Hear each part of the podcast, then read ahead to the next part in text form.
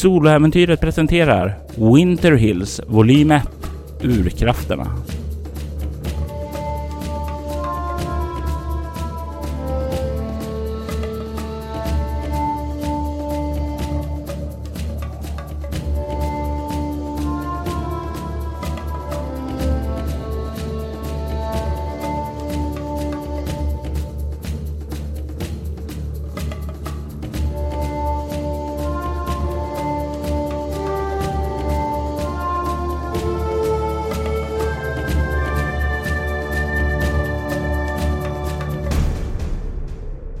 Säsong 2 avsnitt 16 The Dream andra delen. Den romantiska stämningen var på väg att bli som bortblås i jaktsugan där Nicholas äntligen funnit Elisabeth i en stund av tusamhet. Det var då det knackade på dörren. Men Nicholas lyckades behålla stämningen och det ledde fram till att de fattade varandras händer och gick för att öppna det. Utanför i mörker och kyla så såg Nikolas sin syster stå i pyjamas huttrande där. Hon kollar upp på dig Nikolas med stora ögon. Jag släpper vet du, Elisabeths hand och, och liksom skyndar mig fram mot Karin och liksom föser in, eller till, alltså om hon inte rör sig så lyfter jag upp henne. Hon är ju ändå tio år yngre än mig så att eh, jag är Ganska fysiskt. ganska fysiskt stark om man säger så. Det är en av mina mer framträdande egenskaper. Så att eh, om hon inte går när jag föser henne så lyfter jag upp henne. Eh, nej, men hon, hon skyndar ganska snabbt in när du gör den där gesten. Kallt, kallt, kallt, kallt. Elisabeth, det finns eh, filtar borta, där borta i skåpet. Kan du hämta? För att, Ja, Hon, hon börjar tassa där iväg och du kan se hur eh, Elisabeth kollar efter. Så hade hon gått ända hemifrån er? jag vet inte. Eh, alltså, det, det verkar jättekonstigt. Om hon, hon har ju pyjamas på sig så att om hon har gått i sömnen så alltså. Det, det är ju det är inte bra. Eh, jag går och sätter på choklad. Hon gillar choklad va? Ja, hon gillar, Karin gillar choklad. Ja men då fixar jag det så hon får i sig något varmt. Jättebra. Sen börjar hon kliva iväg då.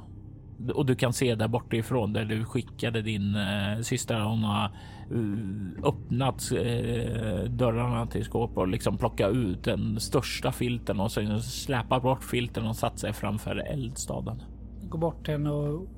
och liksom, hur, Karin, hur, hur är det med dig? Har du, har du gått? Alltså, har du gått i sömnen hemifrån eller vad, vad har hänt? Nej, nej, nej. Ja, ja, ja, jag vaknade. Jag vaknade och eh, det var, jag, jag, jag hade en, jag hade en dröm. Jag hade en, en dröm att, att du var i, i fara. Och jag, jag, jag, jag, jag, jag, jag, jag måste, måste se, se så du var trygg. Så då, då klättrade jag ut från balkongen och ned och sen så började jag springa åt dig. Det var nog inte helt genomtänkt. Nej. Alltså, älskade syster. Alltså, alltså pappa och mamma, de kommer ju vara jätte, alltså, de kommer ju vara jätteoroliga. Alltså, det, alltså, jag, för, alltså, jag förstår att du gjorde det här för att du bryr dig. Och, och det är jättefint på allt sätt och vis, men nej, det var inte så genomtänkt. Eh, Elisabeth kommer snart med choklad. Eh, Och jag, jag ska bara kolla om vi kan hitta några mer filtar. Sitt här vid elden. Så, så det, är ing, det är ingen fara med mig. Jag är mer orolig för hur, det är med dig. Det, det, det, det, det är okej. Det, det var inte så kallt som... Det, det, det, det var inte så kallt. Och du kan se att hon verkligen huttrar och skakar. Mm, det, är, det är inte så kallt. Det är ju liksom jätte, jättekallt. Du kan få slå ett ego medicin med lätt slag eller ett ego överlevnad med ett svårt slag. Jag skulle nog vilja ta överlevnad eftersom medicin är inte någonting jag kan. Men överlevnad är ändå någonting som jag känner att jag har varit ute mycket liksom, i skog och mark och, och i olika klimat. Så det känns som att framförallt i vinterklimat känns det som. Så att då överlevnad. Så ego överlevnad. Mm, svårt slag. Slå en etta så att jag kommer upp i... eh, Jag har fem i överlevnad, tre i ego och en etta så jag kommer upp i nio så det är ju inte lyckat. Nej, eh, och du reflekterar inte över någonting av, av speciellt över Carolines tillstånd då, utan du kan ju se att hon fryser då som sagt var. Vart skulle du ta vägen? Jag skulle se om vi har några fler filtar och, och kudde eller no, alltså något mera grejer som alltså för att så hon inte blir liksom för nedkyld. För det vet jag är- att det är ju inte bra. Det finns massa andra. En del som har liksom när hon har dragit ut sin tjocka favoritfilt så har liksom andra vräkt som kull där och ligger där. Eh, så det finns gott om att plocka med sig. Då gör jag så att jag bäddar med lager av filtar framför brasan som kan sätta sig även på så det blir ännu varmare som den sitter på. När du håller på att bädda där framför henne så ser du hur Elisabeth kommer in och eh, med en sån här rykande varm chokladkopp och böjer sig ned framför Caroline och säger Jag har gjort lite choklad till dig om du vill ha. Ja, ja tack, ja tack. Och sen så tar hon emot den där och sen liksom håller den här nära som en värmekälla där liksom du ser hur du ser nästan så att det liksom hela hennes eh, hud börjar bli varmare som sagt och hon tinar nästan upp. Det känns skönt att det ändå... Alltså hon skulle ju kunna ha förfrusit där ute. Men hon är ju ändå här. Och Elisabeth är också här och hon hjälper mig att ta hand om min syster. Det är liksom den fjärde saken på den här kvällen som Elisabeth har gjort tillsammans eller för mig i positivt. Så det känns som att det är, även om det är jättehemskt att min syster har gått hemifrån barfota så är det ändå, känns det ändå bra. Inte att hon har gått barfota, men i övrigt. Och eh, som sagt var, hon sitter där och när du är färdigbäddad så börjar hon att röra sig upp där och eh, sätta sig fram på den lilla bädd som du har gjort där och Elisabeth kollar på dig. Ska jag säga till de andra att vi har besök? Eller vill du göra det? Jag har inga problem att sitta och prata med din syster. Jag kan gå och hämta dem så vet du vänta här med Caroline så vet du kommer jag snart tillbaka. Och när du börjar gå därifrån så kan du se hon sätter sig ned bredvid din syster och säger, eh, börjar så här prata med henne och eh, talar så här väldigt lugnt och eh, försöker skapa en trygghet hos eh, Caroline. Och du, du kan ju se att ja, men hon, hon verkar ju definitivt hon har säkert läst någon bok om krisoffer där som hon applicerar nu i den här situationen. Hennes drivna sätt är någonting som kommer väl till pass här, för hon verkar veta hur hon ska tala med din syster och du ser hur din syster snabbt verkar känna sig trygg med henne. Det känns väldigt bra. Då känns det också som att eh, nu har Elisabeth har koll på läget. Jag ser till så att alla andra kommer, så att vet du, Samuel och eh, Simon kommer in och vi liksom uppdaterar om vad som har hänt. Ja, och eh, var eh, hittar du dem någonstans? I vilket Eh, rum? jag tänker att de är... alltså, Hur många rum har jaktstugan för det första? Eh, Jag tänker ju som sagt var att det, ja, att det finns en övervåning också. Så några, några, jag tänker att ett jaktlag ska kunna stanna här och sova. Det finns säkert något vardagsrum säkert uppe på De har nog gått upp också. på övervåningen för att eh, Simon vill vara nära men inte för nära. Eh, så man, vi får space. Men om det skulle vara så att det blir, om jag totalt sjabblar till det så kan hon komma och försöka släta över det på något sätt. Ja, jag vill att du slår ett utstrålning obemärkt när du rör dig upp för trappan. Ett Och lätt jag slag. tre utstrålning och fyra är obemärkt så jag har sju plus en tärning. Jag slår två så jag får nio. Du börjar röra dig upp och du kan höra hur det då knarrar till i fotsteget under dig och du kan plötsligt höra att eh, det börjar bli bråd aktivitet där uppe. Eh, Du kan höra något som reser sig hastigt upp och sen något eh, småviskande där. Ja, Jag märker det, så jag stannar till och vet du det. Eh, eh, Samuel, Ja, eh, vad va, vad är det? eh, Carolyn har gått barfota hemifrån hit. Ja, okej, eh, är hon, hon okej?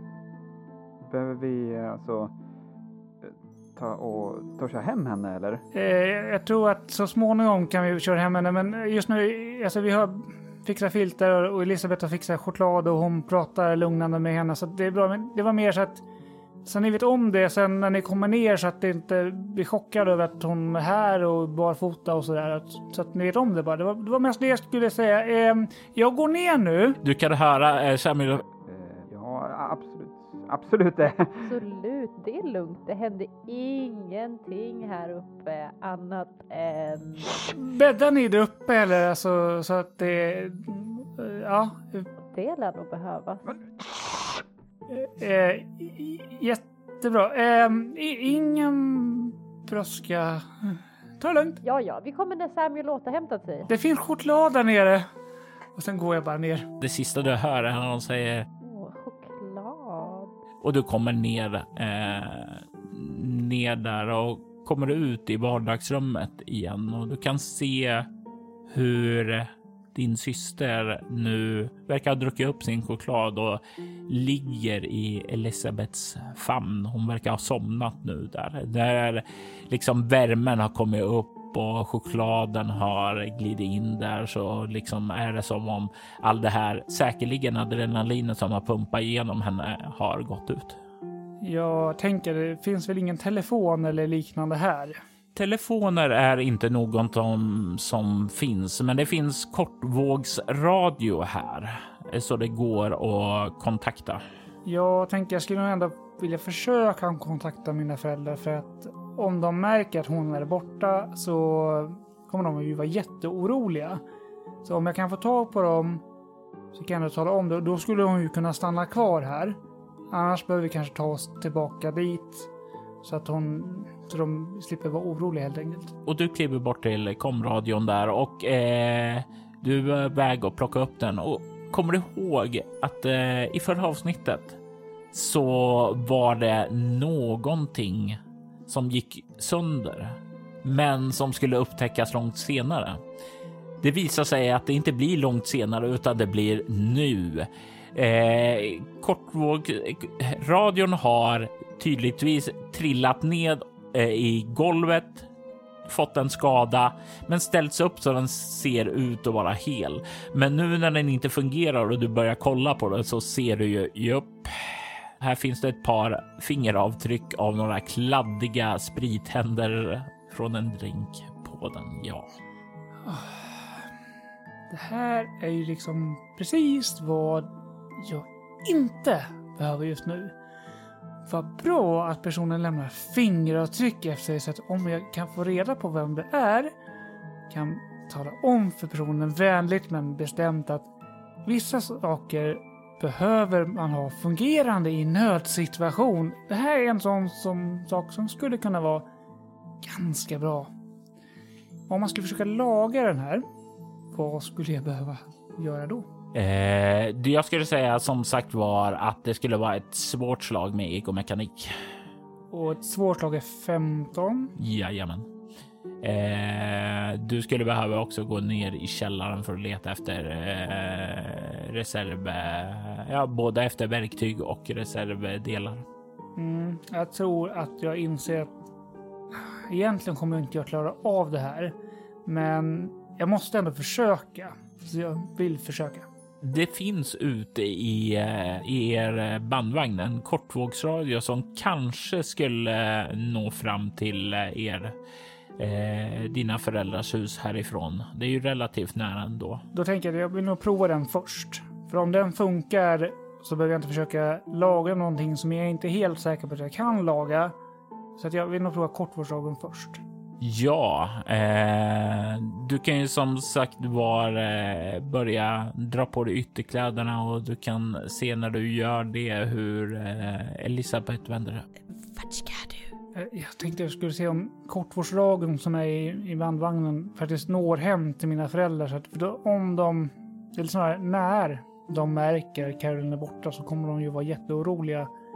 Så att vi måste på något sätt kunna kontakta dem och, och någon har lyckats haft sönder komradion så att jag tänker det är värt ett försök innan jag försöker laga den andra för att jag är inte helt säker på att jag kan laga den. Men jag kan försöka men de måste på något sätt få reda på det annars måste vi åka dit för att de kommer vara liksom det här är värre än en skål. Hon nickar. Eh, Ja, nycklarna ligger i min jackficka. Eh, I, i innerfickan eller i... Ja. ja jag, jag lånar dem. Gör så. och du kliver bort efter att ha klätt på dig och känner eh, i hennes jackficka och du hittar nycklarna, men du hittar också en, i- en, en lapp som ligger där. verkar vara eh, lite så här ihopvikt. Jag, jag tänker att jag tar nycklarna. Alltså, man ska inte rota i folks fickor och läsa lappar. Alltså, det kan ju vara vad som helst. Alltså, inköpslapp eller vad som helst. Jag känner att det, den, den ligger där. Om det är något som hon... Om det skulle vara någonting som hon vill säga till mig så nu kommer hon ju definitivt säga det med tanke på... Vi står ju mycket, varandra mycket närmare nu än vi gjorde innan så att, att börja liksom... Det skickar inte rätt signaler att börja gå igenom lappar i kläderna på någon man är intresserad av. Det skulle vara som att skjuta sig själv i foten. Så jag, jag noterar att det finns en lapp. Eh, men eh, tänker inte ta upp den. Om det är så att den åker upp och ramlar ner på golvet, då stoppar jag bara tillbaka den. Ja, liksom- Nej, men den, den blir kvar där. Eh, du tar nycklarna och kliver ut. Du känner kylan och mörkret där. Och det är markant kallare nu efter att ha varit spenderat en hel dag eller en hel kväll där inne. Det har kommit efter midnatt. Nu är det säkert nästan ja, halv två på natten. Det är trötthet också som börjar känna sig. Och när du liksom kommer fram till bandvagnen så sticker du i nyckeln där och det blir lite så här skakad innan du lyckas låsa upp den och komma in. Drar igen dörren efter dig. Det är fortfarande kallt här inne, men det blåser i alla fall inte. Jag tänker att eh, kortvårdsradion kanske ligger i handskfacket. Kortvågsradion Ja, eh, en- sitter så där uppe vid fönstret, så det är en sån här du Ja. drar ner och så en liten eh, sån här sladd. Då ser jag till att testa så den fungerar. Och den fungerar. Den är igång och du kör eh, genom ja, den testrutinen och ser ja, men alla lampor eh, och så drar igång. Du måste ju sätta igång eh, tändningen och sådant där också. Men eh, ja, den funkar. Då eh, sätter igång tändningen, försöker kontakta mina föräldrar. De ligger säkert och sover nu. Mm. Så att eh, även om jag kommer fram så är det inte säkert någon svarar. Men jag måste ju ändå försöka. Absolut. Jag tänker att du kan få slå en tärning nu för att se äh, hur bra det här går. Eh, och det är inget skillbaserat alls, utan det här är ren och skär tur. Eh, slår du sex så kommer du komma fram och väcka dina föräldrar. Slår du ett så kommer det hända någonting negativt och slår du två till fem så kommer du fram men ingen svarar. Så vi hoppar på en sex eller en etta. Jag slår tyvärr en fyra. Du kör en sån där eh, några testanrop får ingen respons från andra sidan. Som sagt var, det är ju sent på natten och eh, din far brukar ju generellt lägga sig väldigt tidigt eftersom han går upp eh, väldigt, väldigt tidigt. Eh, din mor brukar vara den som är vaken senare då. Eh, men hon har nu också gått och lagt sig vid det här laget där. Så nej, du får inget svar. Eh, det är inte som så att de har en komradio på nedervåningen bara, utan det finns ju en där uppe också. Men de sover nog troligtvis för djupt för att höra dig. Ja, då tänker jag att eh, de vet nog inte om att, hon, att Caroline är borta just nu. Men i, imorgon vid frukost så lär de veta om det. Eh, så jag tänker att jag, Caroline och Elisabeth ska låna bandvagnen och köra hem till mina föräldrar. Vill jag hem där jag bor också. Och så får vi ett Samuel och Simon stanna kvar här. Vi kan komma tillbaka och hämta dem imorgon. Då hinner de städa i ordning. Få tid för sig själva, vilket de tydligen behöver. Tack för den upplysningen Simon innan. Eller Samuel. Det hade kunnat underlättat peptalket att jo, men jag känner likadant för, för Samuel. Men nej, det var inte aktuellt att nämna någonting om det. Att liksom jag förstår. Ja, det gör hon inte för att hon är så himla frispråkig. Men eh, så jag tänker att det kanske är en reservplan som kan passa alla. Så då kan ju Elisabeth stanna kvar hos mig. Hon behöver ju inte åka hem till sig. Så vi behöver ändå ha bandvagnen sen tillbaka imorgon och hämta upp dem och så.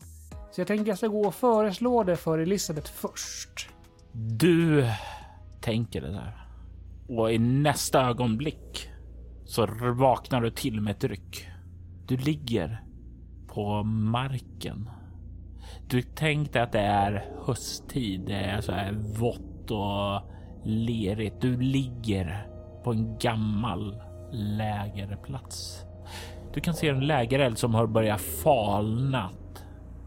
du befinner dig i en eh, skog. Det är en skog med väldigt, väldigt höga träd som sträcker sig upp emot den disiga himlen. Du kan eh, inte känna igen träden som... Eh, det ser inte ut som den typen av skog som finns i Winter Hills, utan det är äldre träd högre. De är inte, de är kala också. Tänk dig att de tappat sina löv. Ser lite förvridna ut. En del verkar nästan döda. Den här lägerelden som du ligger vid eh, har en sån här stenring runt, så den är definitivt den här eh, gjord av en människa. Eh, men det är ingen modern sådan, utan det är inga moderna verktyg, utan det är plockade stenar från omgivningen som ja, har till för att hålla elden på en och samma plats. Du får en vag känsla om eh, väderstreck. Du är inte helt säker på det, men du har ganska stor vildmarksvana. Så jag tänker ge dig lite riktningar här, för du kan se hur det verkar finnas fyra stigar ut i skogen. Du kan se hur det åt väst verkar leda stig. Ja, du kan tycka dig höra vågskvalp nästan där bortifrån. Eh, den, men du ser ingen eh, sjö så där, utan det verkar leda som en stig som leder bort och sen nedåt och kröker sig iväg. Åt väst så kan du se hur stigen verkar mörkna, bli tätare. Du nästan känner en kyla därifrån. Nästan den här kylan som du var ute i nyss. Och söder så kan du ana. Ja, det verkar leda uppåt. Uppåt och långt bort där så tycker du dig ana ett eh, blått sken. Men det här blåa skenet, det eh, du kan inte riktigt se var det kommer ifrån. Det är liksom diset är för tätt där. Åt norr så kan du se att det sluttar nedåt och det försvinner också bort i diset. Men långt där nere i diset så kan du ana ett rött sken däremot. Du ligger där. Du kan höra vind som blåser genom träden, men du kan inte höra något ljud av liv här. Det finns inga insekter, fåglar eller något sådant i den här skogen. Så det är vatten, blått sken, rött sken och eller liksom... Alltså, en mörknande stig med kyla. En kyla som påminner om varifrån du kom. Det är ju ingen snö på marken här tänker jag. Nej, det är, tänk dig, det är vått. Eh, du kan se avfallet, eh, barr så här börjar bli brunaktigt. Du kan se mossa och allting är så här fuktigt. Som inte vet var jag är så tänker jag att jag får gå på det som känns mest som där jag var nyss. Så jag går dit där det är som kallast. Där stigen mörknar. Du tar den östra gången och du känner direkt hur det liksom blir kyligare där också. Runt omkring dig blir det svårare att se. Du har inte kunnat se mycket av ljuskällor annat än ifrån elden, men ljuset här var ändå starkare som om det fanns någon ljuskälla genom på andra sidan diset då som sagt var. Det måste vara dag där. Men när du rör dig här är det som om du vandrar djupare in i natten. Tillbaka nästan till den tid där du var tidigare. Du känner kylan bita tag i dig och du kan ta en bestående förlust i kropp. Du reflekterar över det nu när det börjar bli kallare, att du inte bär samma kläder du hade nyss, utan du har ja, ungefär samma kläder som du brukar ha när du är hemma eller så, när du spenderar fritid. Eh, kanske några någon jeans och någon tröja eller? Mm, ja, möjligen någon flanellskjorta liknande mm. så. Eh, typ någon t-shirt under och mm, så en flanellskjorta. Ja, ja. Okay. Och du kan snart se hur det är något vagt ljussken längre fram. Det verkar vara någon fackla längre fram. Och när du börjar närma dig den så kan du se en till och en till som är uppsatta längs stigen där. Eh, de verkar uppvidga sig, alltså som om stigen öppnar upp till någonting. Du tycker dig höra ett hjärtslag. Det är bortifrån. Det är så att det är, eh, det är ljust där facklorna är, men om man slår upp det blir det bredare mellan dem så det är mörkt i mitten. Det är som om det där det öppnar upp sig så verkar facklorna ändå lysa upp eh, tillräckligt mycket där. Då vill jag gå närmare ljudet av hjärtslag. Du kommer fram dit där skogen verkar öppna upp sig och ta slut och du kan stirra ut på den här vidgade lertaget som du stirrar rakt framför dig. Det verkar som om du har kommit fram till ett berg och framför dig så kan du se en gruvgång som leder in i berget.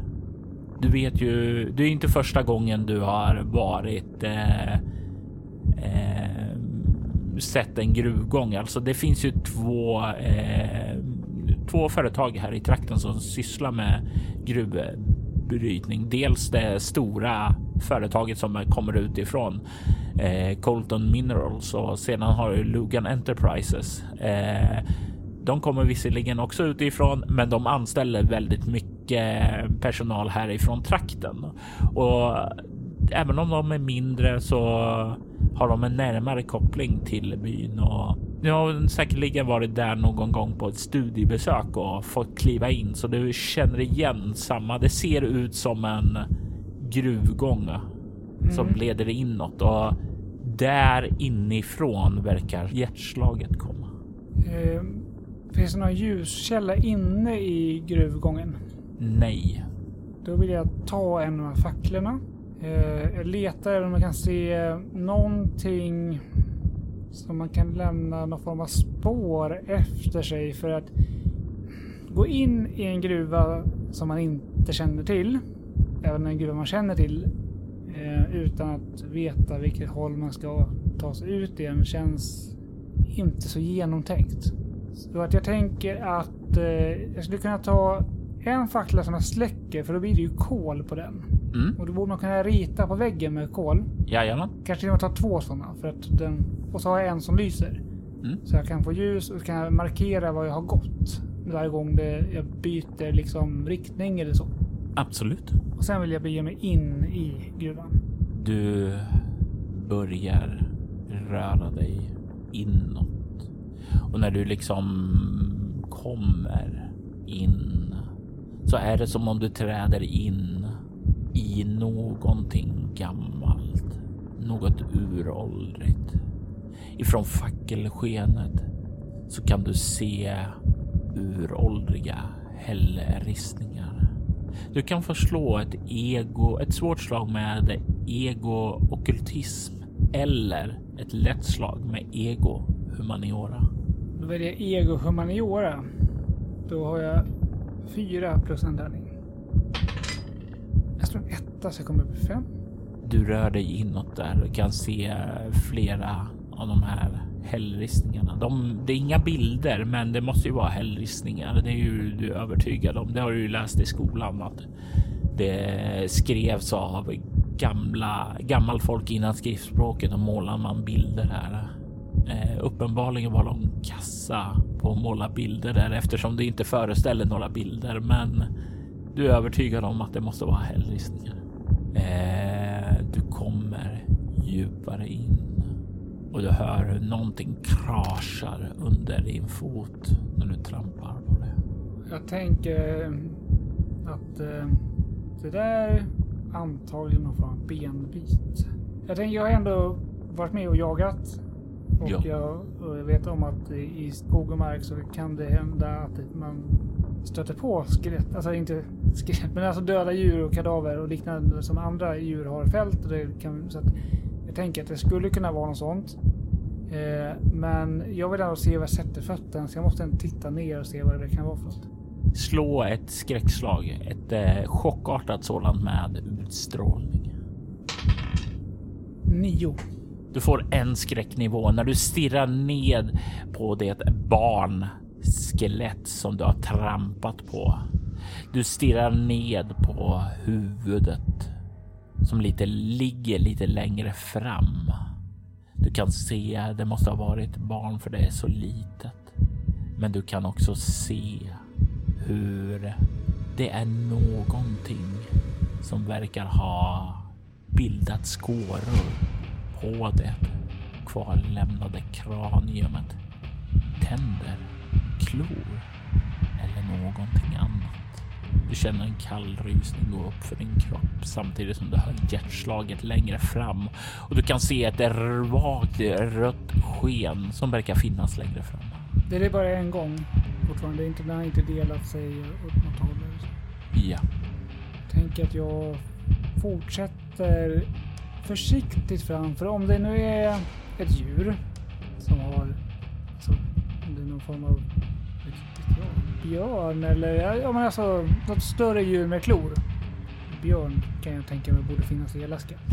Sen vet jag inte om de brukar ta barn direkt, men eh, ändå. Men eh, djur, stort djur med klor.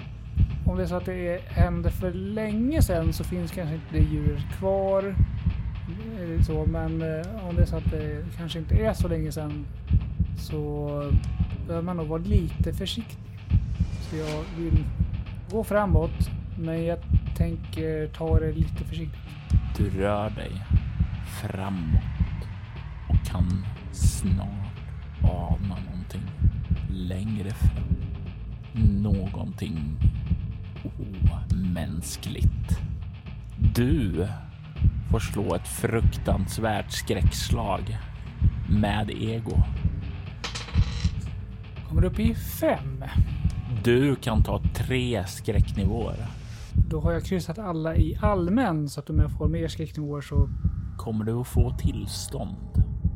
Du ser framför dig en varelse, en lång mörk skepnad som är svår att urskilja bland skuggorna. Det är någonting ohotfullt över den och det blir inte bättre när du ser att dess huvud saknar ansikte. Det täcks istället av en helt kal svart benyta.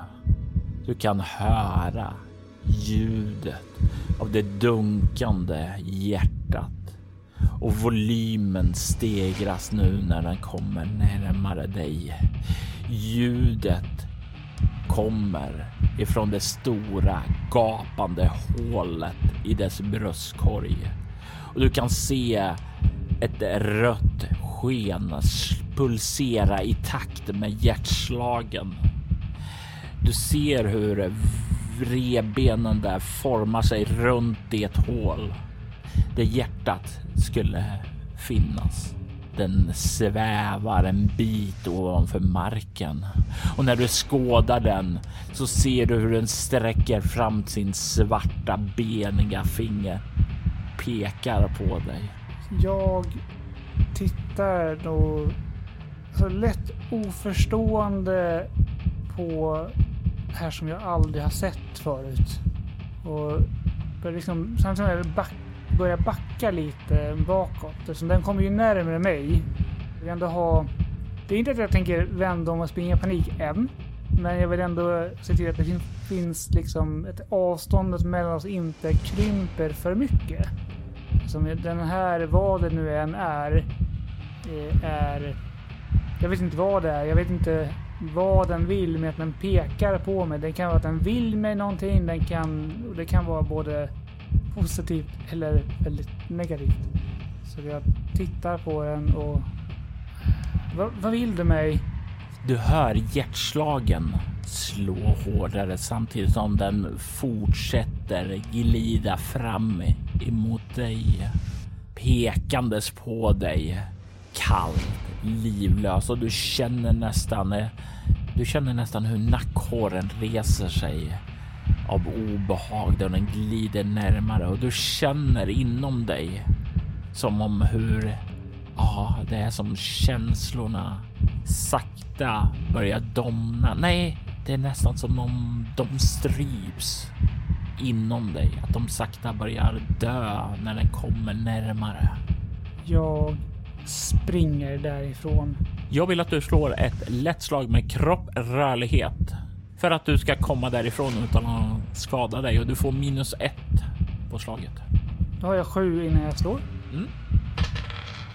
Slår fyra så kommer upp i elva. Du börjar rusa därifrån och du kommer bort ifrån och du hör hur hjärtslagen börjar sakta tona bort. Du kommer ut på den eh, öppna vägen där framför och du kan se stigen leder tillbaka där. Här var den där en. Jag kan inte vara kvar här. Jag måste. Den, den, den lyste rött. Eh, det, det blåa skenet. Jag, jag, jag tänker att jag, jag springer härifrån. Det fanns ett blått sken. Det, det, är ju inte samma som rött. Det, det, måste. Det kan vara någonting annat så att jag vill ta mig härifrån och försöka hitta till det blåa skenet istället. Du rusar som sagt var och du, bakom dig så ser du de här vanliga brinnande facklorna liksom slocknar bakom dig när du rusar bort tillbaka. Du kan snart se hur lägenheten börjar skymta längre fram och du kan ruscha in dit. Det blir så här du stannar till och liksom tung andhämtning för att återhämta dig. Och när du liksom börjar återfå andningen så kan du se bakom dig. Stigen där borta är försvunnen. Rakt fram finns en stig som krökte sig och ledde bort mot vad som verkar vara vågskvalp. Åt höger så ledde en stig nedåt och nere i diset så kunde du ana ett rött sken. Du känner också nu en värme därifrån som du inte reflekterade ut tidigare för den känns ändå rätt behaglig nu med tanke på att du var inne i kylan. Åt vänster så fanns det en stig uppåt till det blåa skenet. När jag känner att det kommer känns varmt från det röda skenet så tänker jag ändå att det är ju allt annat än vad den där, vad det nu än var för någonting, fick mig att känna. Så jag tänker att ja, pröva gå mot det röda skenet i alla fall. För värme är ändå i det här fallet bättre än kyla. Om det inte är för varmt förstås. Du rör dig nedåt i diset. Du känner hur det blir varmare, behagligare. Du kan se hur leran börjar tunnas ut.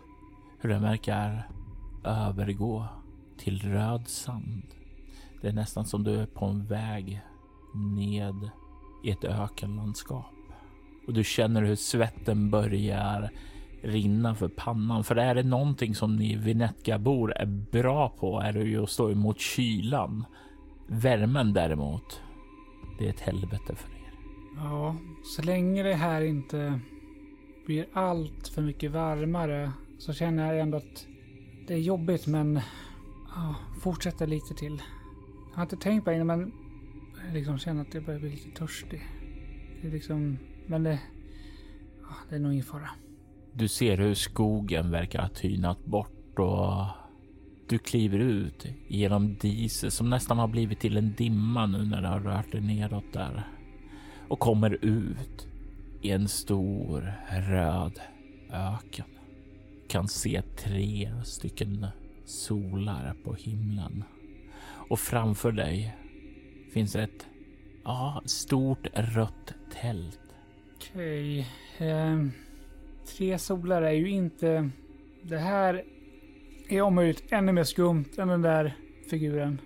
Du kan ta och slå ett eh, chockartat skräckslag med ego. Att det är lägre är ju för att det inte är samma typ av intensivt hot. Kommer upp i fem. Du får två skräcknivåer och det innebär att du kommer få ta ditt första tillstånd. Så jag ska se vad jag ska sätta de två i. Eh, Du får ett tillstånd varje gång du sätter den första i en kategori och en tredje. Så jag kan tekniskt få två tillstånd om jag sprider ut dem. Jajamensan. Jag tror ändå att eh, allt det här som har hänt hittills mest gör mig väldigt stressad för att det är saker är inte som det ska. Jag är inte på en plats som känns trygg och bekväm eller familjär. Någon konstig varelse verkar vara ute efter mig. Det är tre solar på himlen. Det här är liksom, nej. Är, man måste ta mig bort härifrån. Alltså, var är Elisabeth? Var är Caroline? Det, det, här, det här känns inte... Jag måste, jag måste framåt, jag måste in i tältet och eh, jag måste härifrån. Ja, eh, jag vill att du slår en eh, T6. Fem. Du känner en instinktiv panikartad rädsla för allt här i öknen. Det är varje gång du stöter på den här källan eller något av samma natur så måste du fly. Du kan undvika att göra det och tränga vidare om du tar en bestående förlust i utstrålning. Och det här gäller så länge som du har det här tillståndet, alltså den här röda öknen, är det som sätter skräck i dig. Den kommer att släppa när du förlorar, får tillbaka skräcknivåer, men just nu så ligger den kvar. Då tänker jag att eh, när jag förra gången vände tillbaka och sprang, då försvann ju det här. Jag vänder tillbaka och springer för då kanske det här försvinner så jag slipper se det här jävla sanden och öknen och tält och solar och bara bort. Vänder om bara rusar, kommer in i dimman, kommer vidare ut i diset, kommer tillbaka på den här stigen, kan se hur du börjar ana längre upp där elden som har blivit ännu lägre nu. Du kommer ut i gläntan där, flämtande och återigen när du vänder din blick tillbaka så är det borta. Det här är bara för mycket. Eh, ding, ding, ding, ding, ding, ding. Eh, Vatten, vatten är normalt. Eh, Jag hörde vatten någonstans. Jag, jag, jag, jag går mot vattnet. Vatten är ändå, det, det finns ju liksom på riktigt. Det, det, det är liksom så att eh, det handlar om något blått ljus. Det, det Nej men eh, vatten är på riktigt. Så att jag går där jag hör vattnet. Du rör dig västerut och eh, följer stigen där den kröker och kan ana längre fram en stenig strand Tänk dig så här lite större stenböljningar. Det är verkligen ingen sån här enkel strand att gå på, men det är ju sådan strand som finns på delar av eh, i delar av Winterhill, så det är ändå något som känns bekant och tryggt. Du kan inte ana här uppifrån stigen någonting som känns märkligt. Men du kan stirra ut över en mörk sjö. Ja, fortsätter lite längre ner. Jag är inte jättesugen på att gå och bada i den här mörka sjön, men eh, jag kan ju gå ner på stranden i alla fall. Du kommer ned på stranden och du kan höra en sång utifrån havet. Och det är en sång som du hör. Ja, den, den känns inte främmande. Faktum är att du nu inser att du har hört den tidigare. Du har hört den tidigare under hela ditt liv. Men du har aldrig reflekterat över den utan det har varit som ett brus i bakgrunden. Den kommer där utifrån men verkar röra sig närmare. Det finns inte någon liten roddbåt? Eller? Du börjar kika där ute och du kan se längre ned på stranden finns det en roddbåt.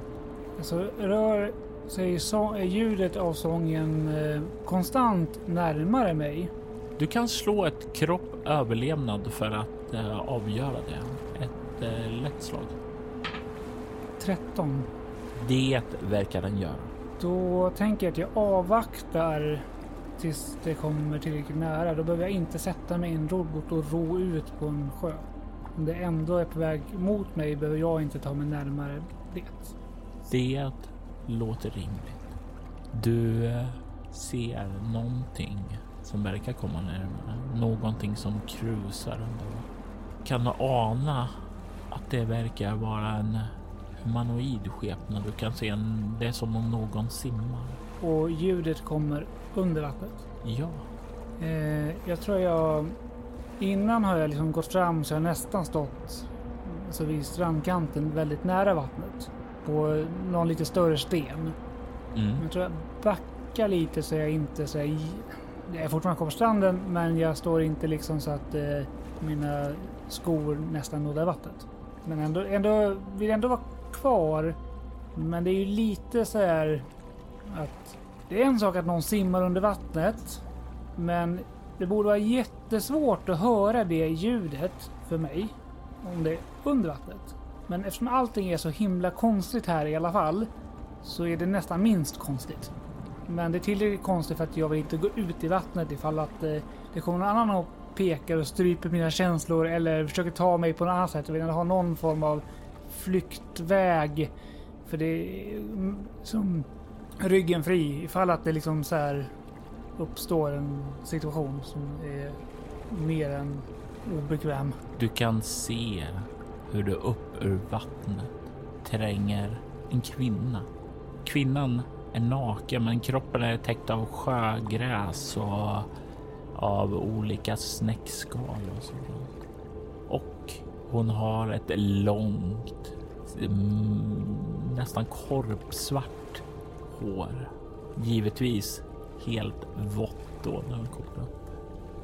Ansiktet ser väldigt vackert och ser ja, några år äldre ut än dig kanske. Mm, hon ler emot dig. Ja, eh, alltså vem, vem är du? Jag är den som ger släktband till sig för många generationer sedan. Jag är den som har vakat över er. Den som har gett er trygghet från urkrafterna. Jag gissar på att det här är inte någonting som jag har liksom någon koll på. Nej, det här är ingenting som låter bekant för dig.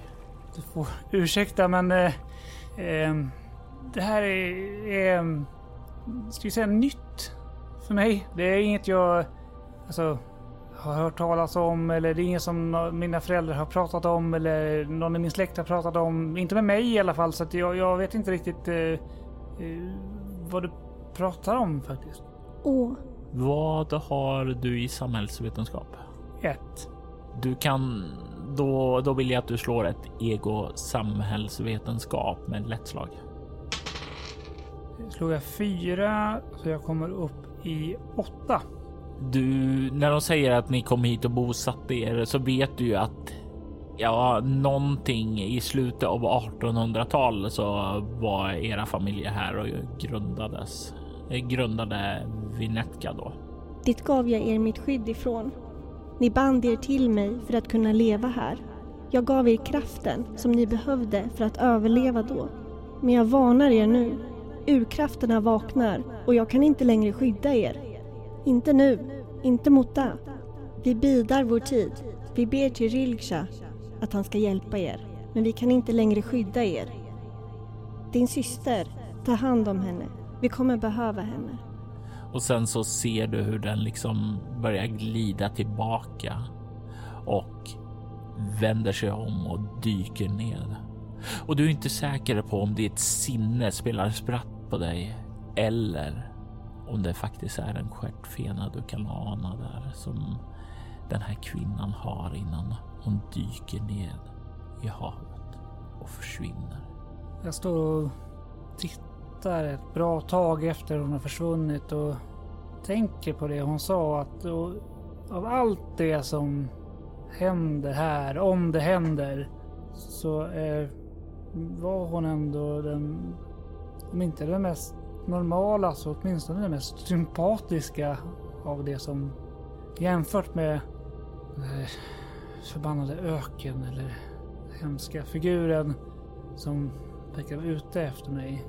Så hon verkar åtminstone inte vilja mig illa. Jag står där en stund och tittar ut tills ringarna på vattnet har lagt sig. Sen vänder jag mig om och börjar gå. Och jag vänder mig en sista gång om innan jag liksom har passerat, kommit upp i en stige som jag tänker att när jag har passerat ut genom den här stigen, upp för den, så kommer den här platsen försvinna den också. Så en sista gång så vänder jag mig om och tittar ner på vattnet. Som är helt blankt och svart. Sen vänder jag mig tillbaka och går upp mot lä lägerelden igen.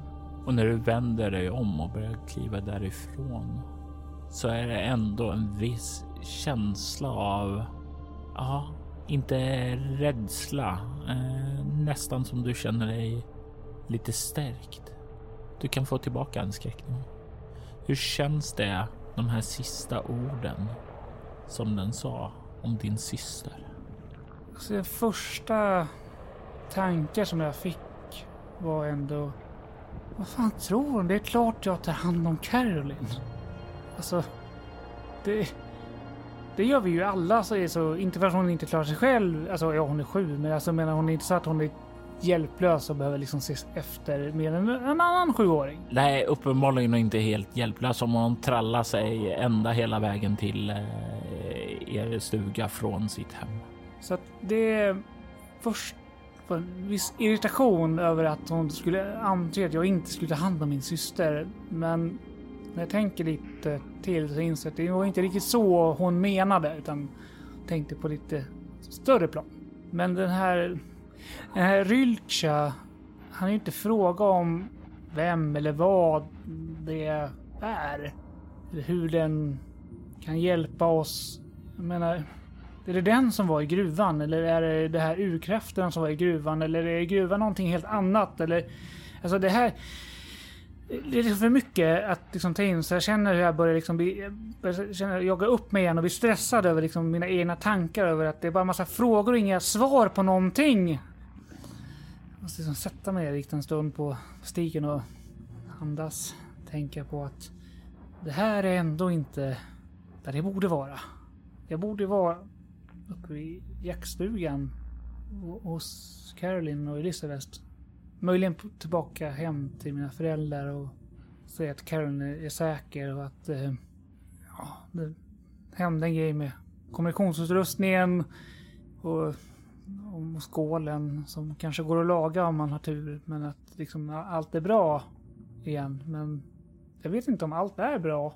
Samtidigt som det känns som att ja, men allt kanske inte är helt kört heller.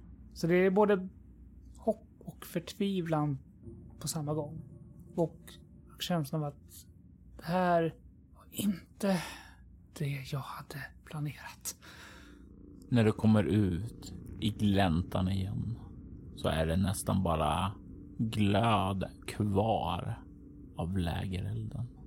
Stigen bakom dig kan du se nu hur den tynar bort. Framför dina ögon så ser du hur liksom naturen nästan äter upp den. Hur blad börjar växa ut, hur stigen börjar sjunka ned och jord tränger upp för att ge, ge plats för ny växtlighet. Det borde kännas skrämmande och kanske om du hade sett det först så hade det varit skrämmande. Men nu så det känns inte märkligt. Du vet ju att stigen har försvunnit tidigare platser. Det finns en stig kvar som leder söderut upp till det blåa skenet. Så det bara finns en stig kvar att vandra. Och jag inte verkar vakna upp där jag känner att jag borde vara. Så går jag den stigen helt enkelt. Du vandrar uppåt och du kan snart se att det verkar vara en stuga därifrån. Det är en stuga där uppe och det här blåa ljusskenet verkar komma inifrån. Det lyser ut genom fönstren. Det verkar vara en timmerstuga där uppe. En timmerstuga gjort av något träslag som inte du känner igen. Den är becksvart. Men det känns inte skrämmande här heller. Tvärtom. Den känns inbjudande, trygg. Du börjar komma närmare och kan se att det finns en liten välpåtad trädgård här framifrån. Känns det ändå som att någon som tar hand om sin trädgård och får saker att växa kan ju inte vara helt jävla ont i själen. Så att eh, jag närmar mig stugan, kollar finns det någon sån här, kanske inte en dörrklocka men en, alltså antingen en dörrknackning. Det finns en dörrklapp där av rejält eh, järnbeslag och den föreställer ett eh, varghuvud och i den här käften så sitter ju då sitter den här järnringen som man använder för att slå på dörren. Jag använder dörrklappen. Du kan se hur dörren glider upp framför dig och du ser in i vad som påminner lite grann om en jaktstuga. Inte din jaktstuga då, men samma sak. Du kan se en stor eldstad där det brinner och du känner en väldigt behaglig matdoft där inifrån. Och du kan eh, höra en röst inifrån köket som låter som låter relativt ungdomlig, betydligt äldre än dig då, kanske säg 25-30 eller någonting sådant där. Kom in. Är du hungrig? Jag känner efter om är, jag hungrig? Alltså, du känner hur det kurrar till lite i magen. Törstig är du däremot. Eh, det har du känt ända sedan du var på väg ner till öknen, så du är liksom sandpapperstorr nästan. Ja, jo, li, lite kanske. Alltså, eh, mest törstig faktiskt. Absolut. Kom in. Jag häller upp ett glas vatten åt dig. Och kan höra att det porlar sådär när det häller upp. Jag går in och stänger dörren bakom mig. Fortsätter du mot eh, rösten? Ja, När du kommer in i köket så ser du ett stort glas vatten framställt på bänken eh, som är precis där du kommer in. Bakom den så ser du en man som verkar stå och laga mat. Mannen är väldigt stilig, vacker, eh, kanske 30 år gammal. Han är väldigt prydligt yttre och du kan se han har liksom ett skägg, eh, välansat sådant som går ner eh, längs sidan ner till hakan och liksom har växt ihop uppe med mustaschen. Och han kollar mot dig med ett leende. Det är en man som du aldrig träffat i din vuxna liv i alla fall. Inte en man som du minns.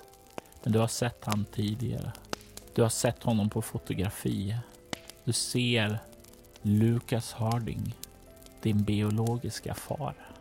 Tror jag mest står tyst och stirrar på honom. Nikolas! Trevligt att se att du växt upp och blivit en sån fantastisk man. Vad gör du här? Jag har tagit min tillflykt hit. Någon måste ta hand om den svarta stugan. Okej. ehm, och det är den vi är i nu, gissar jag på. Det stämmer. Vi måste vårda den tills tiden är kommen. Varför?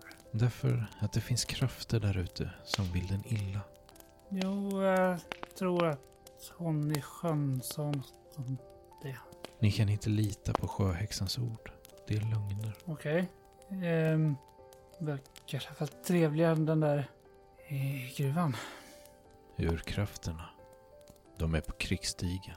De kommer, jag kan känna det. Jag måste göra mitt bästa för att hålla stugan säker. Den får inte falla. Jag tar, går lite närmare och tar eh, en klunk av vattnet. Alltså, ärligt talat, jag, jag förstår ingenting av något av det här överhuvudtaget. Det, alltså, alltså jag, jag, var inte ens här, vad nu här är någonstans. Jag, jag var, alltså jag var... Jag var, jag var i, i jaktstugan. Alltså inte den här jaktstugan, bevisligen. En, en eh, normal jaktstuga. Eh, ganska nära där vi bor. Eller alltså, där, där jag bor. Eh, med mamma och pappa. Eh, mm, mamma William. Eh, Du kan kalla honom din far. Jag tar inte upp. Okej, mamma och pappa. Och sen så vaknade jag upp vid någon lägereld i någon som fyrvägskorsning kan man väl nästan beskriva det bäst som. Du befinner dig i drömmen. Drömmen som andra har haft tidigare. Åh, skönt, det bara en dröm. Åh, En dröm där val måste göras. Ett vägval som får konsekvenser. De som kommer till drömmen gör det för att skåda de fyra stigarna. Välja andra personers öden. Säg mig, är jag den första? Eller den sista jag vandrar till? Det beror lite på hur man ser det. Alltså, du befinner dig på den sista stigen jag tog, men... Eh, jag vände liksom bort från en av stigarna innan jag kom fram till målet på stigen. Vilken stig var det du inte vandrade längst ut till? Eh, den röda öknen. Ah, den röda damen hade väntat på dig där. Den röda damen som vill ha din själ. Det var vist av dig att vandra därifrån, ty där sjöhäxan ljuger så är den röda damen mer farlig.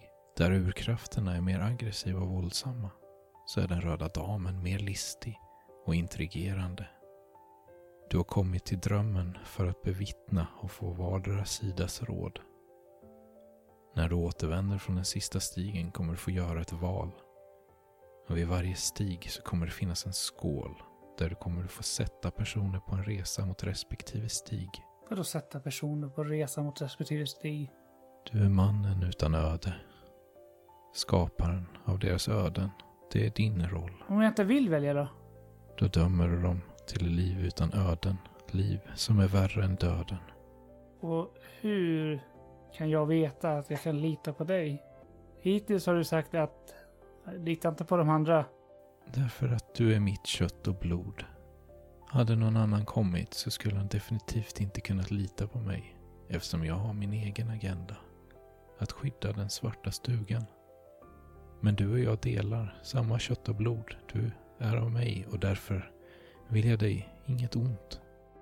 Kan jag avgöra på något sätt om han förtalar sanning? Du kan slå ett motståndsslag. Eh, utstrålning kameleont mot hans utstrålning interaktion. Och jag slår 11. Jag har ju två kameleont och tre utstrålning. Jag har fem plus en tärning. Så vi får se vad jag kan, eh, om jag kan komma upp i lika eller sämre. Jag slår två så jag kommer upp i sju. Om vi säger så här. Du är helt övertygad om att han talar sanning. Alltså det orden som kommer ur hans mun. Det är ju din fars ord. Även om du aldrig träffade honom, pratar med honom så känns det samma känsla som du får av William. Av trygghet och eh, pålitlighet från honom. Du, du känner att du kan lita på honom. Ja, ja, jag tror jag förstår. Jag tror att jag... Är det okej om jag stannar en stund? Absolut. Den svarta stugan är lika mycket ett hem för dig som den är för mig. Tillsammans är vi en familj. Jag tror att jag sätter mig ner en stund vid köksbordet och äter lite av maten. Och den känns mer smakfull än vanlig mat. Den känns livnärande. Och du kan spendera en bestående förlust i ego för att slå en T6 och se hur många skräcknivåer du får tillbaka. Fem. För det är sådan trygghet som väller över dig. Det är nästan okej, okay, du blir lite tung i huvudet och en huvudvärk börjar fungera, men den utbytet gör ändå att du känner dig tryggare med lugn. Som den här svarta stugan vet exakt hur den ska bete sig för att skapa en trygghet i dig. Då är jag tillbaka på en skräcknivå. Då förlorar du ditt tillstånd att vilja fly från den röda sanden. Sen när jag har suttit en stund, jag tror vi sitter i tystnad mest. Och tror att det är bara jag som äter. Så reser jag mig upp och eh, går därifrån. Och han säger ingenting för han vet att du har hört de orden som du behöver höra. Och han vet att du har känt den trygghet som den svarta stugan har erbjudit. Du kommer ut ur huset och börjar vandra ner tillbaka. Och när du kommer ut i gläntan så kan du se mycket riktigt att elden har slocknat. Men det ser lite annorlunda ut här. Du kan se att det finns en träpåle nedkörd och uppe på den så finns det en eh, ordentlig skål av eh, någon form av metall. Du kan se hur det vid elden ligger fyra foton. En på Caroline, en på Simone, en på Samuel och en på Elisabeth. Fyra foton, fyra skålar och fyra stigar. Mm. Varav eh, i alla fall eh, minst två som inte är helt okej. Okay. Du står där inför ett hemskt vägval. Kan man ju säga. Minst sagt. Nu sa ju Lukas att eh, sjöhäxan ljuger på något sätt. För att få antagligen det hon vill ha. Fast jag upplevde ändå henne som ja, förhållandevis positivt. Hon gav ju definitivt inte... Det var ju en känsla som kändes trygg där nere. Eh, och, och eh, det var ju definitivt inte något de andra två platserna eh, associerades till. Så det är väl den, den platsen som du fick näst mm. eh, bäst eh, känsla av. Jag tänker att eftersom hon sa att de behöver min syster. Så den person som skulle råka minst illa ut där borde vara min syster. Eller mest illa ut. Men jag tänker att om hon skulle råka mest illa ut så skulle det kanske vara fler som råkar illa ut om hon inte hamnar där. Eh, så jag tänker att eh, hon hamnar... Caroline hamnar hos sjöhäxan. Du lägger ned fotot i skålen och du ser hur fotot, det är nästan så här flammar upp och det går så fort och sen liksom bara aska kvar och då ser du också hur skålen bara tynar bort och försvinner. Tre foton kvar. Tre av dina bästa vänner. Jag tänker att eftersom jaktstugan med Lukas var det som fick bäst känsla för och kändes säkrast så hamnar Elisabeth där. Du lägger ner fotot och den flammar upp den med och därefter tynar skålen bort. Du ser skålen vid den position som ledde tidigare bort mot eh, den här gruvan och du ser den som leder ned mot öknen. Jag tror att i öknen är det bättre att vara smart än stark och i gruvan är det bättre att vara stark än smart. Så i gruvan kommer tyvärr Samuel hamna. För han är definitivt starkare än vad han är smart. Det flammar upp och skålen sedan försvinner. Och är det någon av de fyra som har att välja på som kanske skulle ha en chans att klara sig där så hade det antagligen varit Elisabeth eller Simon. Men eh, jag tänker inte offra Elisabeth så att Simon hamnar i den röda öknen. Och även hennes foto flammar upp och skålen, den försvinner. Du vaknar upp med ett eh, ryck. Du sitter i bandvagnen. Du verkar ha nyss klivit in, stängt dörren och du måste ha somnat där för den här eh, kortvågsradion sitter fortfarande kvar där uppe. Du vet inte hur länge bara. Du, du, du, du har vaga intryck av någon form av konstig dröm, men de är på väg bort nu. På väg bort och du kan. Det var några stigar du vandrade på konstiga mardrömmar. Din, din biologiska pappa var där och sen det var någonting med Caroline.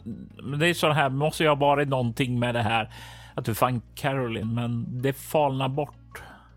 Du sitter där inne. Jag tänker att jag måste prova den där kortvårdsradion igen om det... Alltså jag kan ju ha drömt att jag har provat den. Alltså jag, nu, nu är jag i alla fall vaken så att jag provar den. Och jag har provat den innan så jag kan prova den igen för säkerhets skull bara.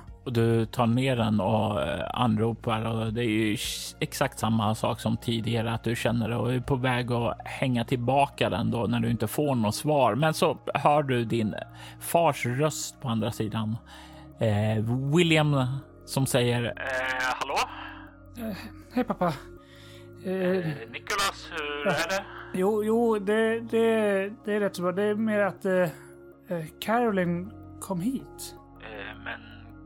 Vänta nu. Eh, eh, Len, gå och kolla om eh, Caroline är borta. Och du kan höra hur eh, fotsteg tassar iväg då. Eh, Okej, okay, eh, hur, är, hur är det med henne? Ja, jo, alltså under omständigheterna så verkar det vara bra. Hon, alltså, hon har gått i barfota så, så att det...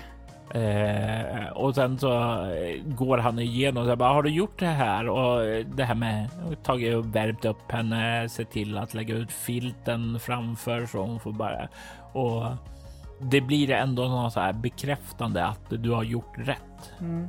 Och jag, varje gång han säger ja, jo, jag har gjort det. Och, och så och liksom sitter ju på något sätt och liksom hoppas att mamma ska komma tillbaka och säga att Nej men då, hon, hon ligger i sin säng. Att jag liksom har drömt alltihop. Att det liksom är bara... Liksom druckit för mycket. Fått någon form av fylledröm som... Att det är inte på riktigt. Men hon kommer tillbaka med de dåliga nyheterna att Caroline är borta. Men de goda nyheterna är att eh, din far verkar ändå känna sig trygg med din insats. Att du har gjort rätt och tagit hem hand om henne. Han eh, säger att du ska stanna där så kommer han över dit. Men eh, eftersom allting verkar lugnt nu så eh, är det viktigt att du också håller dig lugn. Ja, självklart pappa. Det, alltså det är två saker som är, alltså vi, vi, kan ta det när du är här. Liksom, det är inte några, några akuta saker, men det är två saker som jag behöver berätta sen. Men vi, vi kan ta dem sen om du vill, eller så kan vi ta dem nu. Lika bra att vi tar det nu så att du kan vara lugn sedan. Alltså någon... Ja, du, du vet ju, vi hade, firade ju Simon från fyllde år och hade lite ja, ja. folk från skolan över. Och någon, jag vet inte vem, jag kan ta reda på vem, eller försöka göra det. Har ju liksom pajat kommunikationsutrustningen. Det är bara utrustning. Det, det går att laga så det är ingen fara. Eh, det, jag tar med lite delar och sen kollar jag över det också. Det, oroa dig inte för det. Vad bra. Eh, sen, det hände en, olyckshändelse i, i, i köket. Eh, man hör att jag darrar lite på rösten. Så det låter säkert som det är någon allvarlig gasolycka eller någonting. Men du, du vet den här skålen du, du har. Mm. Skulle kolla om de hade några mer skålar och så här, för jag var egentligen nervös för en sak som sen löste sig och så här. Men alltså, äh, så fanns det bara en kvar och jag tänkte att nej, men nej, men det är ju pappas favoritskål. Den kan jag ju inte ta. Det känns, jag vet att jag får låna men alltså, ja, så ställer jag tillbaka den och, och då, då, då, mm, den gick sönder och eh, alltså, Elisabeth tror att det går att laga den och, och vi ska försöka laga den om det går men alltså, det, det var inte meningen alltså, det, att den gick sönder. Förlåt. Men, men kära Nikolas, det är bara saker. Visst, jag älskar den skålen, men jag älskar dig mer. Jag, du, du fick mig orolig att du hade skadat dig själv eller någonting. Som, som Elisabeth säger, det går säkert att lagra. Och eh, om den inte gör det så är du faktiskt viktigare än någon himla skål. Mm. Tack. Tack ta det bara lugnt. Eh, jag, jag, åker in till stan för att väcka Dr. Hartman. Så tar jag med henne ut så får hon kolla till Caroline. Jag kommer nog om några timmar där. Eh, jag tror nog att jag har läget under kontroll. Sover Caroline? Ja, hon, hon sover. Se till att hon fortsätter sova bara. Ja. Eh, du vet att jag älskar dig. Jag älskar dig också pappa. Ta det lugnt och ta det försiktigt. Ja, jag, jag ska. Jag lovar. Klart slut. Klart slut. Och du kan lättat hänga tillbaka kortvågsradion där och ta dig in till stugan. Du kan se där hur dina vänner Simone och Samuel sitter framför elden och eh, sitter eh, ja, på varsin sida, inte väldigt nära för att eh, vara uppenbara. De sitter på varsin sida av din lilla syster som nu ligger och sover i Elisabets famn. Du kollar ned och tänker att det kunde ha slutat så mycket värre den här kvällen. Den här katastrofen till den tågkrasch som skedde där inne i sovrummet när Simone skulle hjälpa dig. Eller då du såg din syster stå utanför i pyjamas. Men nu när du står där inne och betraktar det, har pratat med din far och fått nerverna lugnade, så kan du bara se din eh, fridfulla syster ligga där och sova i din flickväns famn. Det känns ändå som att den här födelsedagsfesten fick ett lyckligt slut. Men det kanske är för att du inte minns vad du gjorde där vid lägerelden när du placerade ut de olika personerna på de fyra stigarna som skulle leda till deras respektive öden. Som de säger, ignorance is bliss. I detta avsnitt hör du Fredrik Mård som Nicholas Saroyan, Amanda Stenback som Kate Robinson, Jonas Karlsson som Samuel Toom, Anneli Thunberg som Elisabeth Martin, Anneli Öhman som Simon Goodwin, Eva-Linn Karlsson som Sjöhäxan och Samuel Loveiko som Lukas Harding. Winter Hills är en berättelse skapad, spelad och producerad av Robert Jonsson till rollspelet Bortom som ges ut av Mylingspel. Denna säsong klipptes av Kvarnberg Productions, Robert Jonsson och Jörgen Niemi. Kvarnberg Productions är ett företag som bistår dig med allt ifrån att hjälpa dig till att starta upp en podd till att klippa och producera den. Du hittar dem på kvarnbergproductions.com och länkar till deras kanaler hittar du i avsnittets inlägg. Winterhills temamusik skapades av Andreas Lundström från rollspelspodden Sweden Rules. Ni hittar hans musik på Spotify och Soundcloud. Musiken i denna säsongen kommer från Agersonus, Fax One, Atrium Carcere, City's Last Broadcast, Council of Nine, Creation 4, Cryo Chamber-kollektivet, Dead Melodies, Eldar, Arta, Gidanien, Northumbria, Onasander, Plamen Veknosti, Proto-Jew, Shrine, Skrika, Tinnedai, Ugasani, Erxes the Dark, Wolves and Horses. Alla dessa band var från Cryo Chamber.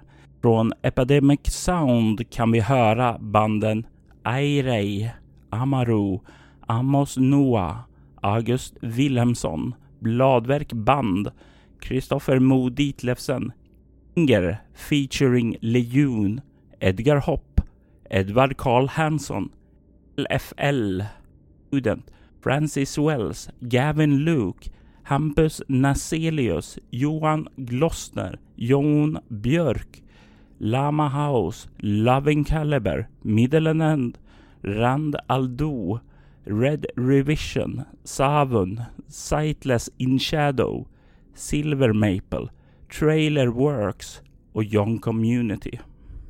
Övriga artister som medverkar i säsongen är Adrian von Ziegler, Andreas Lundström, Derek and Brandon Fichter, Is Jammy Jams, John Lahtinen, Kevin MacLeod, Nicholas Heidless, Ryan E. Beats, Tabletop Audio, Vlogson samt Copyright Free musik.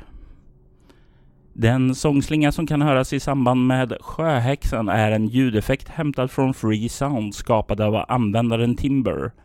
Länkar till skivbolag och artister hittar du i avsnittets inlägg. Soläventyr är en actual play podcast där vi spelar rollspelaren Bortom och Leviathan. Ni kan komma i kontakt med oss Instagram, Twitter som @spelabortom, Facebook samt på bortom.nu. Vill ni ha liknande poddar som denna kan ni spana in våra spin-off-poddar Altor Schwider och Valerie Chronicles. I den förstnämnda spelar vi det klassiska rollspelet Drakar och Demoner i världen Altor, medan vi i det andra spelar Vampire the Masquerade med inslag av de andra rollspelen i World of Darkness. Ni är välkomna att lämna recensioner om podden på både Facebook och era poddappar. Det uppskattas djupt av oss och kan leda till extra belöningar för er. Vill du stödja Roberts fortsatta kreativa skapande kan du göra det på patreon.com snedstreck Robert Jonsson. De som backar får tillgång till material i form av extra poddar och statusuppdateringar. Mitt namn är Robert Jonsson. Tack för att du lyssnar. Vi vill ta tillfället i akt att tacka, hylla och hedra våra Patreon-backare Ty Nilsson, Daniel Pettersson, Daniel Lands och Morgan Kullberg. Ert stöd är djupt uppskattat.